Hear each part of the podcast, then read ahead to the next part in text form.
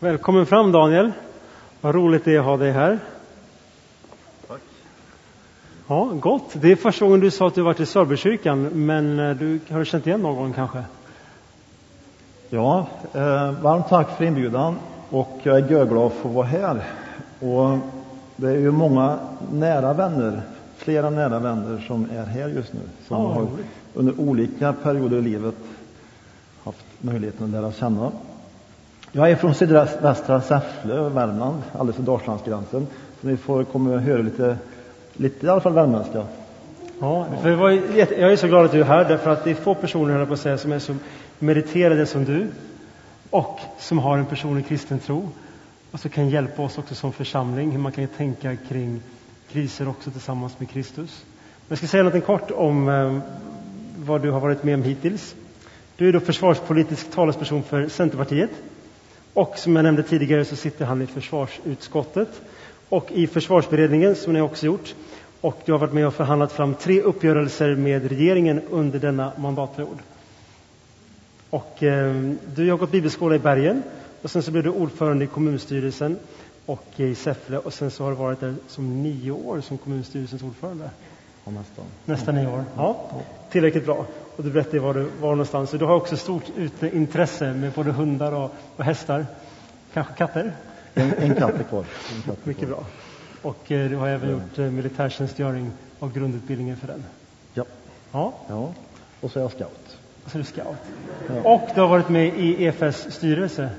Var det Ja. EFS lokalt eller riksstyrelse? Det var riks bara i fem år fick det bli. Ja. Och den här kyrkan är en samarbetskyrka mellan Svenska kyrkan och en inomkyrklig rörelse som heter EFS som betonar livet tillsammans med Kristus i vardagen i högre, i hög utsträckning och en missionsrörelse för att alla människor ska få lära känna Kristus både lokalt och internationellt. Ja. Men som sagt, du sitter ju i försvarsutskottet och vi har haft tre söndagar om kris med Kristus och det här är den sista. Och detta med kris har varit en fråga som det har skrivits mer om, i alla fall har jag uppfattat det så, eh, senaste tiden, senaste åren, än eh, förr i världen. Eh, Ja. Och det har verkligen blivit en fråga som har kommit upp högt på agendan. Mm. Och eh, nu ska till och med regeringen skicka ut information till nästan alla Sveriges hushåll om att ha egen bättre förberedelse. Mm. Det är över 30 år sedan senast 30 år sedan senast. den skriften trycktes. Och det var så här att det är min första period i riksdagen. Och när man kommer in där så är man oftast då längst bak i kön. På vilka utskott ska man hamna i? Och för oss som är hyfsat, eh, ja, vi tillhör de mindre sammanhangen i riksdagen, så har vi en per utskott. Och då fick man välja fyra platser, eller utskott som man kunde tänka sig vara i. Och då hade jag tre ganska klara alternativ. Och sen så grunnade jag ganska länge på vad ska det fjärde bli. Och då sa magkänslan att ta, ta försvaret där. Och så blev det. Och så sa de till mig, detta var hösten 2014, alldeles före älgjakten, så sa de det att eh, Ja, du kan få bli ordinarie i försvarsutskottet och så hjälper du till i trafikutskottet, för i försvarsutskottet händer ju ändå ingenting. Det var, det var ingångsvärdena och jag var jätteglad över möjligheten att få bli ordinarie. Man har varit i kommunpolitiken så länge och skulle gärna jobba med bredband och vägar och så här. Sen gick det ett par veckor då, så när jag var ute och släppte hund på älgjakten så började telefonerna ringa. Kommer ni ihåg vad som hände då i mitten på oktober 2014? Det var en massa undervattensverksamhet nära Stockholms innerstad i praktiken och skärgården och även söderut. Och från de intensiva veckorna så har hela mitt arbete handlat om de här frågorna eh, de här dryga tre och ett halvt åren. Och man har också följt väldigt mycket hur Sveriges läge är, vad som händer i Östersund och kring Östersund. Östersjön, inte Östersund, det också.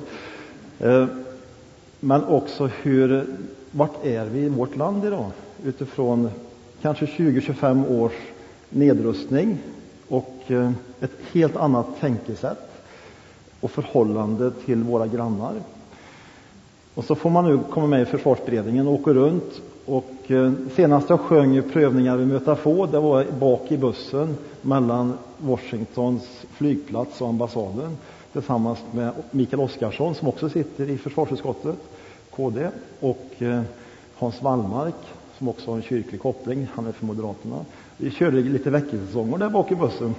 Eh, och det var väldigt bra det, som summering på några dagars rätt eh, allvarsamma eh, berättelser om vad som händer utifrån ett amerikanskt perspektiv, utifrån FNs arbete, där vi då kollade över hela världsperspektivet. Och jag har lärt mig jättemycket de här åren och fortfarande känner jag att det är oerhört mycket kvar att lära. Men man har också sett vilken möjlighet det finns i att få vara med i ett sammanhang där det behöver finnas folk som kan hitta överenskommelser och också stötta varandra oavsett vilket parti man representerar. För det handlar ju om vårt land och det handlar om stabiliteten i vår del av Europa men också hur vi kan hjälpas åt för världen.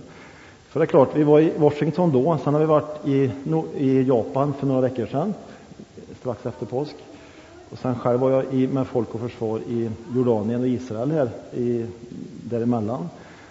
Och väldigt många frågor handlar om vad händer i Nordkorea, vad händer i Kina långsiktigt, vad händer i Syrienkriget, i Irak, vad gör Turkiet framöver, vad är Rysslands ambitioner i den här delen av Mellanöstern och eh, Saudiarabien, Iran och, och så kan man gå vidare land för land i hela Nordafrika. Vi har insatser i Mali.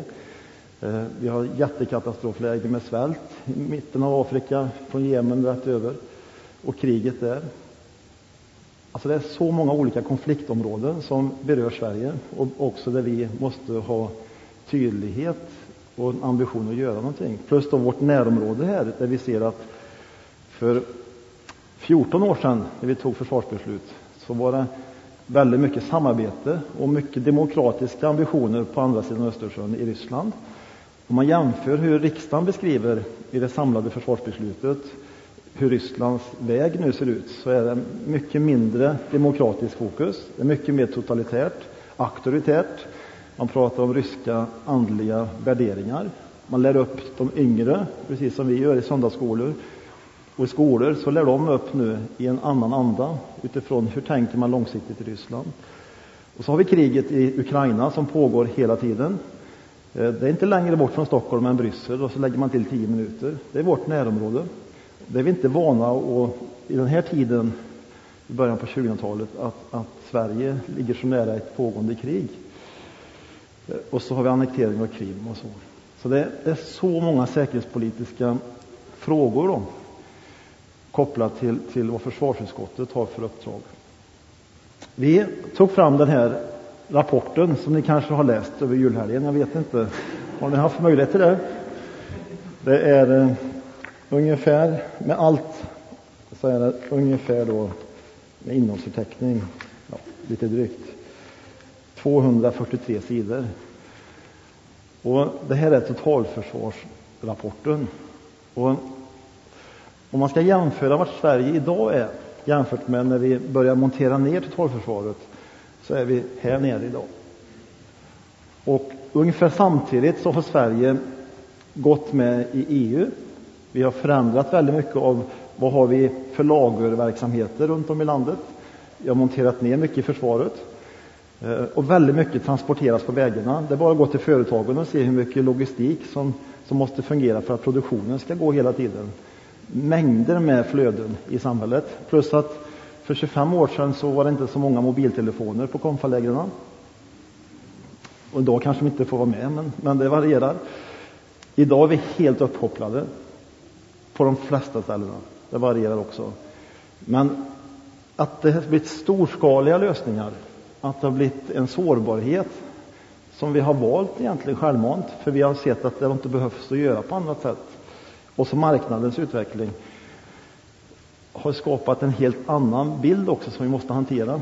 Och då har vi tagit fram många kapitel i den här boken med livsmedel.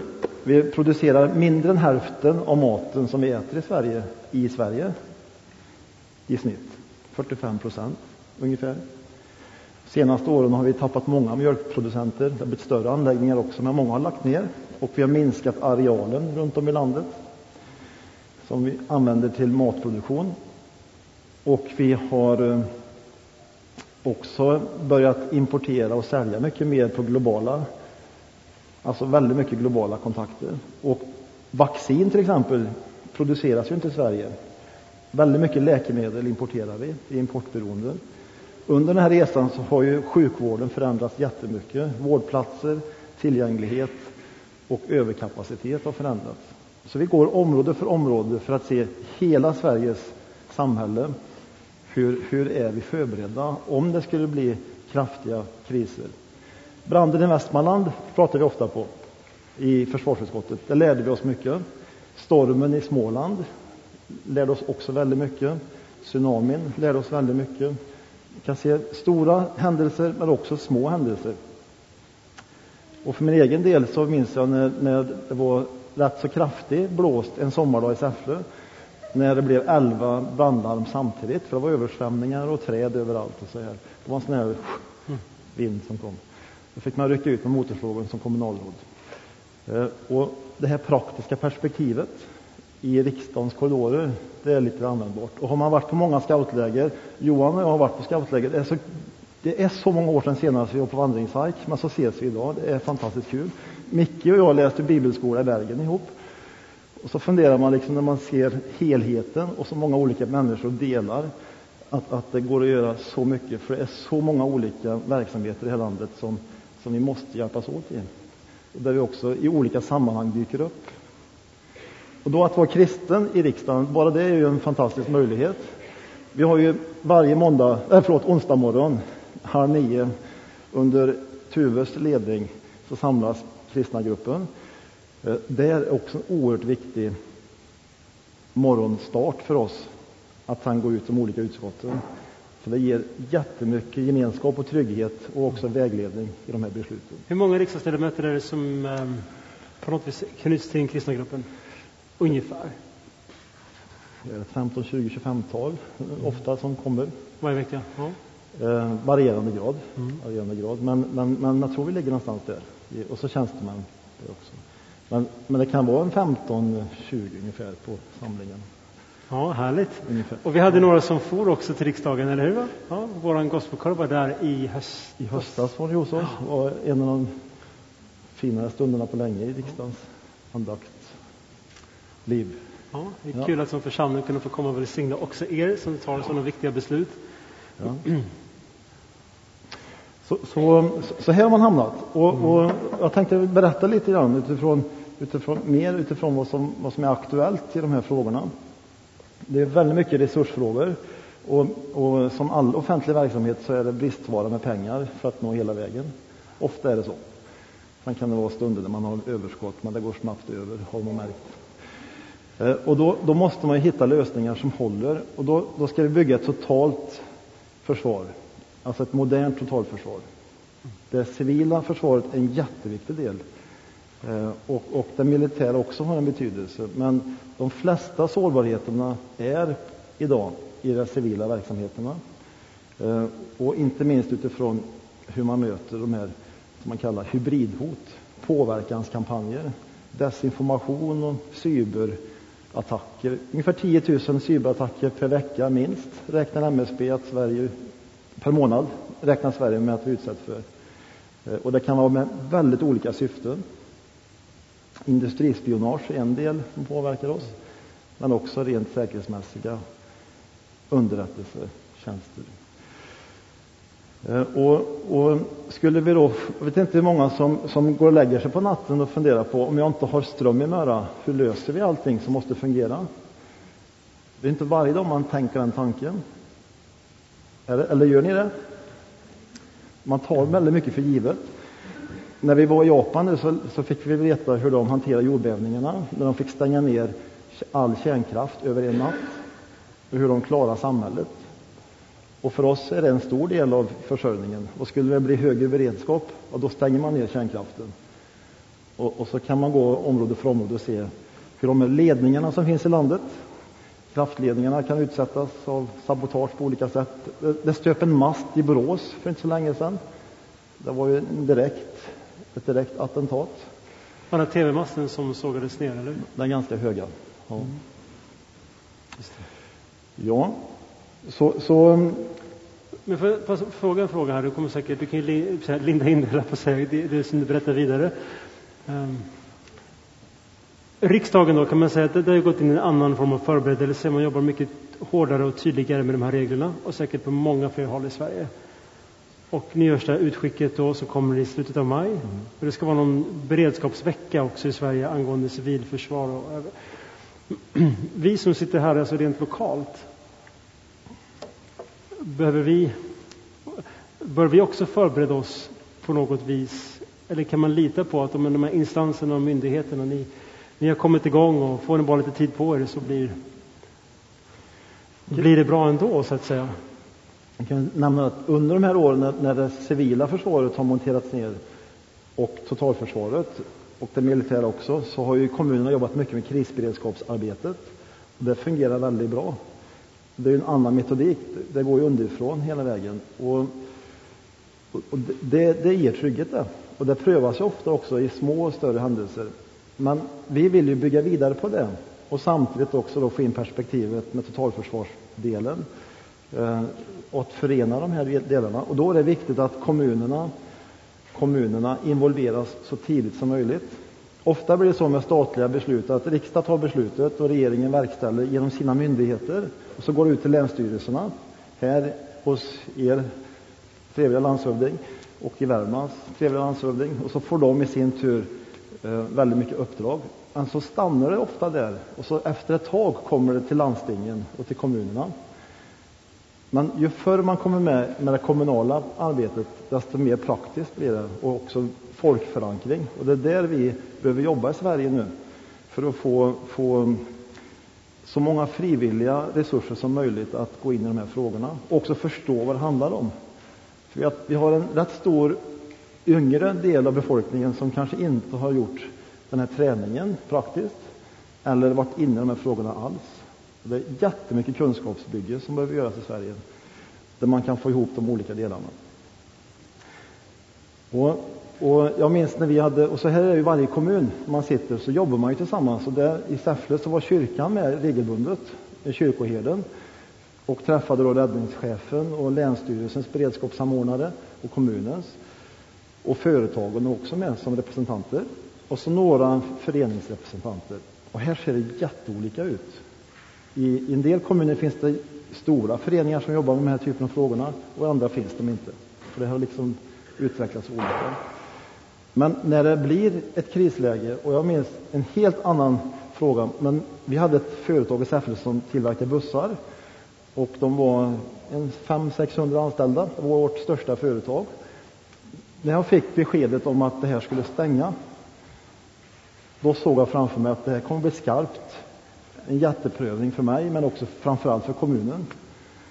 Och då, då var det väldigt gott att kunna ringa runt till de här nyckelpersonerna, däribland kyrkoherden. Och så träffades vi direkt och funderade på tillsammans, hur ska vi hantera den här jobbiga situationen? Och det är genom den typen av händelser, dels lyckas man mycket bättre, men när man lär känna varandra och också blir trygga i varandra, och när man vet varandras resurser och styrkor och, och svagheter också, vart gränserna kan gå. Det har oerhörd betydelse på hur det samlade ledarskapet fungerar. Och här har kyrkorna en viktig, jätteviktig möjlighet att, att hjälpa till. Det är inte alla i riksdagen som har varit scout eller varit i en församling överhuvudtaget. Bilden av det kyrkliga är, är oerhört varierande. Eh, men när man, när man pratar om vilken kraft det finns i engagemanget och vilket ledarskap som utvecklas lokalt runt om i föreningar, då förstår de också att här finns det en enorm möjlighet för att kunna komma snabbare fram. Så var med i en krisgrupp eller POSOM-grupp, det är i Svenska kyrkan också, åtminstone här i Örebro. Eh, hur kan man tänka mer som lokal församling då? tänker på vår kyrka här exempelvis, eller du kanske är kopplad till någon kyrka där du bor lite mer, eller bönhus? Ja, det, det, det, är inte, det är inte alla som har tänkt den tanken.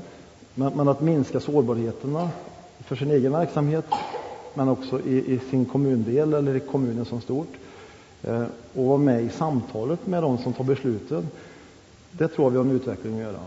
Och det kan säkert variera jättemycket vilka personliga kopplingar man har som församling till, till räddningstjänst och till beredskapssamordnare och olika och Länsstyrelsen. Men den kontaktytan är bra, för, för, för stärks den så, så kan man också i krislägena ha väldigt många att, att vända sig till.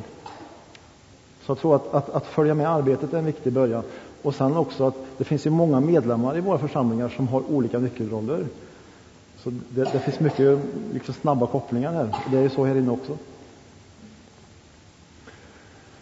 Ja. Har, har, har, har ni tänkt på de här frågorna på länge? Liksom, ni har ju haft två gudstjänster tidigare med fokus. Bara det tycker jag är enastående. Eh, det är första gången man får prata den här typen av frågor i gudstjänst, för min del. Eh, däremot har man pratat om hur det var kristen i politiken tidigare och, och utifrån vilka ledarskapsprövningar man får. Men, men, just det här med vart vi är i, i Sverige. Känner ni till liksom hur läget ser ut nu? Hur det såg ut på 80-talet, det är många som vet.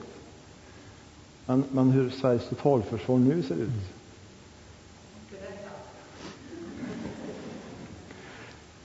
Alltså, alltså det, är, det, är, det är jättesårbart just nu. Det är jättesårbart i det samlade Sverigeperspektivet. För vi är, vi är beroende av så mycket flöden som, som är sårbara, som kan bli avbrutna på vägen. Maten i hyllorna skulle ta slut på ett par dagar, två, tre dagar, 10 till 12 dagar totalt. Om, om det skulle bli någon form av kraftig påverkan på vårt land. Vi har inga centrallager som vi mm. hade förr. Och vi, vi transporterar väldigt mycket. Jag tror ICA har fem eller sex lager i hela Sverige. Så väldigt mycket går ju till butik hela tiden. Och när jag gick i skolan fick jag lära mig att det finns en gästfabrik. Ja. På en sån liten grej. Förut fanns det två. Men det kanske inte finns någon. Ja, det... ja men det är viktigt, annars kan man inte baka bröd. Det är viktigt. Och, och insatsvaror är inte alls samma tillgänglighet. Konstgödsel till exempel. Vad sa du för någonting? Konstgödsel. Konstgödsel. Väl, konstgödsel. Väldigt mycket ligger i, i hamnen i Trelleborg på väg in. Ja. Och så buffras det. men skulle flödena bli avbrutna, då märker man det väldigt fort. Plus att, att det går lätt in. Under den här tiden har vi också byggt ut värmesystemen. Det är ju många kommuner som inte hade fjärrvärme förr, men som idag eldar upp väldigt mycket skräp och bränslen i en stor panna. Och sen går det ut i lägenheterna. Och väldigt många spisar har stängt igen i städerna. Skorstenarna i alla fall är inte godkända på många hus idag. Man får, man får inte elda i dem. Och om någon skulle med datorns hjälp gå in och reglera om alltså cyberattack på ett fjärrvärmesystem, det kan gå ganska långt. Då är det ofta ingen reservkapacitet. Så var det ju inte förr. Mm.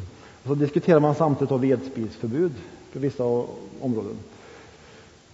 Ja, reservkapacitet i en kyrka till exempel, har ni det här? Om det skulle bli elavbrott? Vad säger ordförande? Sjukhus och kommunhus har ju ofta det. Väldigt många strategiska samhällsnyttor. Men kyrkorna kanske också. Men får, jag ställa en fråga då? Vad är, det vi, vad är det du tänker är en rimlig nivå på förberedelse? Så ni har, alla när ni kommer in, då har ni fått det här pappret här. Och det vi har gjort är att vi har sammanställt um, Myndigheten för samhällsskydds och beredskaps grundläggande checklistor för att kunna klara sig själv en vecka. I bästa fall två. Och eh, är, man kan ju bli skrämd när man ser det, eller så tänker man att det inte är så farligt. Jag själv, jag och vår familj, vi har jobbat ganska mycket med det här eh, sedan i julas och eh, insåg att det är ganska lätt att ta sig ganska långt på den här listan. Ja. Men eh, jag får ställa frågan till dig här då, att man får någon form av, av rymd. Vad, är det vi, vad tänker du? Vad hade gjort dig glad eller lugn eller liksom känt att det här är en rimlig och okej nivå? Vad är det för sorts prövning som Sverige egentligen i praktiken förbereder sig för? Ja, det, det är väldigt mycket civila händelser. Eh, alltså att det kan, det kan hända saker samtidigt i olika områden av Sverige. Och, och, och, men alltså den bortre horisonten, det är också det värsta scenariot som vi måste ha med i planeringen igen. Om något händer, vilket vi inte bedömer särskilt, många säger sannolikt, men, men alltså om något gör att vi dras in i någonting. För Sverige är inte primärt enskilt utsatt. Men om vi dras in, då går det ganska fort i Europa med alla dessa olika kopplingar. Och, och det är det bortre perspektivet. Men, men, men ta, bara, ta bara naturkatastrofernas effekt på våra samhällssystem. Då är en, en vecka väldigt bra horisont. I, när, när, det var, när det stormade i Småland så var det betydligt fler dagar än en vecka som många var utan ström och blev avklippta och av, avskärmade. Och idag är många vana att gå till affären nästan varje dag och handla. Och, och det är klart att, att det kanske inte är hållbart. Då. Vi, vi ökar de här 72 timmarna nu till en vecka som du nämner i försvarsberedningens förslag. Det är en rejäl skillnad där, tre dagar jämfört med sju dagar. Och det är hur, Tyskarna har tio dagar. det, det är hur länge en enskild invånare i Sverige ska kunna klara sig själv utan... Utan direkta stöd från samhället. Ingår ICA i direkta stöd? Eh, Nej, jag är bara lite nyfiken ändå hur man tänker kring... ICA, kom, ICA är en av viktiga privata aktörer som, som måste ha en nära dialog med staten i hur man får detta att fungera. Det, det vill vi. Men, men det kan hända mycket med ICA också. Jag förstod att det var elavbrott en gång, jag läste det, och då så var ICA tvungen att stänga för man kunde inte ta betalt för det Precis. som människor handlade för kortavdragaren och kassaapparaten gick inte att öppna Nej. utan ström och då Nej. kunde man inte betala med kontanter heller. Nej, det, det, det, så är det. Så är det. Mm, så är det. Men du är kristen också, jag är bara lite nyfiken för tiden drar ju alltid iväg. Ja.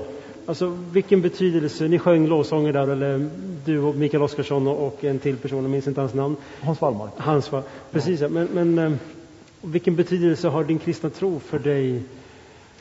Kanske både i riksdagen men framförallt också när du tänker på de här frågorna. Vad kan du ge till oss som sitter här och jag upplever en oerhörd frid egentligen. en oerhörd frid? Ja, för det är klart att, att man, kan, man kan ju välja, antingen så ser man ju detta oerhört tufft. Alltså vi, vi har, det vi inte har är ofta lätt att oroa sig över. Men man kan ju också lära sig i att, att hur man ska hantera och, och också hitta möjligheterna. Eh, Men utifrån min egen enkla erfarenhet i de här skarpa lägena så är det då som det har betytt allra mest. För det är då jag har fått handlingskraft eh, och, och, och frimodighet som jag inte kanske alltid har haft. Och, och när vi förhandlar försvarsbesluten och inte alltid vet vad är bäst för Sverige, alltså vad är vägvalet här? Eh, då är det en oerhörd styrka i att ha flera kristna vid bordet. Oerhört värdefullt. Från olika församlingstyper, olika partier. Men så sitter vi där och så tar vi en liten bönestund utanför förhandlingsbordet. Och så får man lite mer vägledning. Och ofta ber man att vi ska komma i mål. Och så var det ofta i kommunen. Man såg inte lösningarna väldigt ofta. Och, och det, det är ju en oerhört, för min del, eh, alltså tillit, den växer stadigt, men sen kan man vara oerhört sårbar. Och man kan lätt bli plattad, man ramlar ner igen. Men att, att, att då är de här avgörande lägena så oerhört viktigt. Och sen också, vilken, vilken, vilket perspektiv har vi på vår värld i de här lägena? Alltså vad är det vi bär gemensamt i, i vad som är viktigt?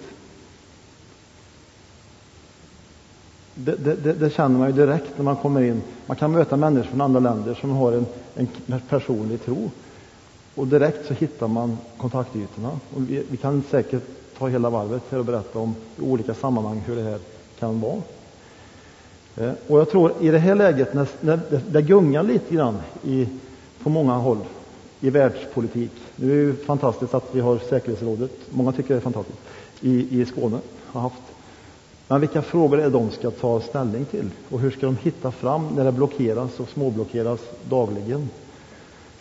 Och så vet vi att, att, att det ökar. Ja, då tror jag att, att, att vi, vi har en oerhört viktig uppgift att, att gå på den kallelse var och en har fått. För det bär ju på något sätt över tid.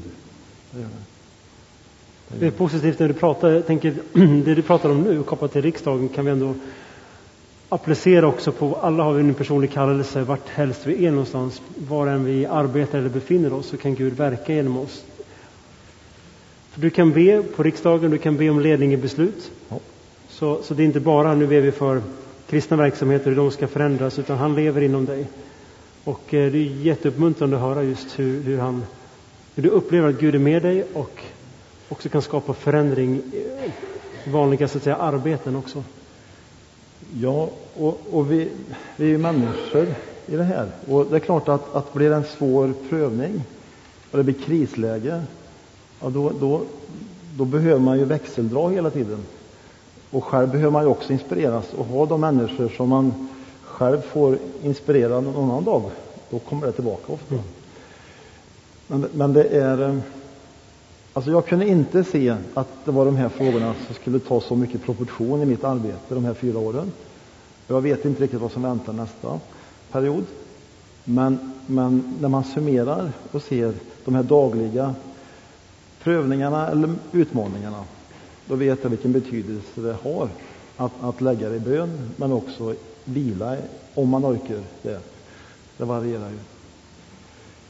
Och Sverige behöver hitta vägen fram just nu. Och världen och Europa också. Och då har vi som församlingar Alltså att, att, att kunna följa med arbetet. Ofta ber vi för, som vi gjorde i gudstjänsten, för, för ledarskapet. Löfven nämndes med flera. Men att också då följa med i hur frågorna faktiskt hanteras på insidan. Det är också en viktig möjlighet för församlingarna att, att kunna dagligen ha lite mer koll där. Och att det finns integritet i myndigheterna. Men, ni nämnde cybersäkerhet och annat tidigare. Så innan vi går för avslutning här, vi ska få sjunga en lovsång tillsammans som handlar om att kunna förtröstan på Gud genom vad man än möter. Eh, skulle du vilja be för både Örebro men för vårt land? Ja. Herre, tack för den här dagen. Att jag får komma till den här församlingsgemenskapen. Tack för din närvaro, Herre. Tack för den här stan, för den här delen av landet och världen. Herre. Herre, vi ber om visdom och vi ber om ledning för den här sommaren som ligger framför och våren. De sista månaderna för den här mandatperioden i riksdagens arbete. Herre, tack för alla möjligheter som ligger framför, men också svåra frågor att, att landa i goda beslut. Och herre, jag ber för alla som ska ta de besluten. Herre, i Örebro, i länet och i landet. Jag ber om vishet och mod och också urskiljningsförmåga, Herre. Jag ber om ett eh, profetiskt tilltal för bygderna runt omkring, Herre och för eh, framtidstro, Herre, i din kallelse. Herre, vi ber nu för FN och för de svåra beslut som behöver tas och att de kommer överens i säkerhetsråd och andra sammanhang, också i Europa. Kopplat till de konfliktområdena i vårt närområde och Europas närområde. Men Herre, tack för din hjälp och tack för din godhet i allt vi står i, i olika sammanhang, i våra olika uppdrag. Och Herre, vi ber också för den här kyrkans arbete, den här fortsatta verksamheten delen på det här året. Herre. Jag ber om riklig välsignelse och för nya möten med människor i den här stan. Amen. Amen. Gott, får vi be för det också? Och om det är någon mer som vill komma fram så går det alldeles utmärkt. Jesus, vi tackar dig för Daniel och ber om din välsignelse för honom det arbete han står i och den kallelsen han har. Ber också för den kristna gruppen som är en blandning av människor från alla möjliga partier, Herre. Tack att ditt ljus får lysa också på riksdagen liksom det får göra över hela vårt land. Vi ber om kloka beslut och ber också om fred och välgång för vår värld. I Jesu namn. Amen.